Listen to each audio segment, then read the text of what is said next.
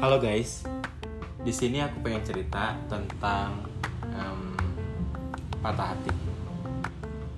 Kalau menurut aku, ada sesuatu yang paling tidak membahagiakan di dunia ini, sesuatu yang paling tidak membuat aku nyaman. Hal itu adalah tentang jatuh cinta.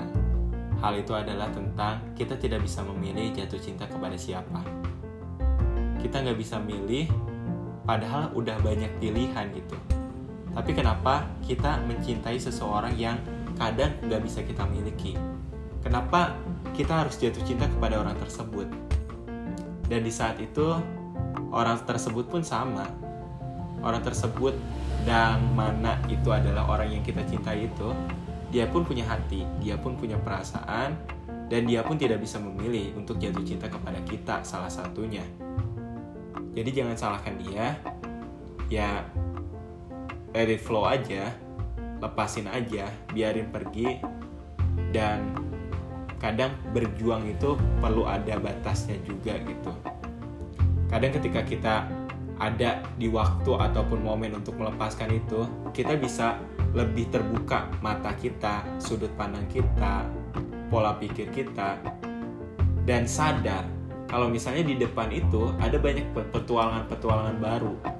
Karena dunia itu luas, orang-orang itu banyak, kita butuh petualangan-petualangan hebat lagi untuk lebih membuka perasaan. Karena perasaan itu terus mencari, jatuh cinta pun akan terus mencari siapa yang klik, siapa yang cocok di antara kedua belah pihak, baik itu di pihak laki-laki ataupun pihak perempuan. Patah hati itu wajar, patah hati itu pun kita pasti punya porsinya masing-masing, kita pasti punya jatahnya masing-masing. Yang paling penting itu adalah tentang bagaimana cara kita bangkit, tentang bagaimana cara kita untuk terus berjuang menjalani hidup dan terus memperbaiki diri. Karena jatuh cinta itu pasti insya Allah akan menyenangkan juga ketika kita bertemu dengan orang yang tepat, ketika kita sudah memaksimalkan diri, ketika kita sudah memantaskan diri.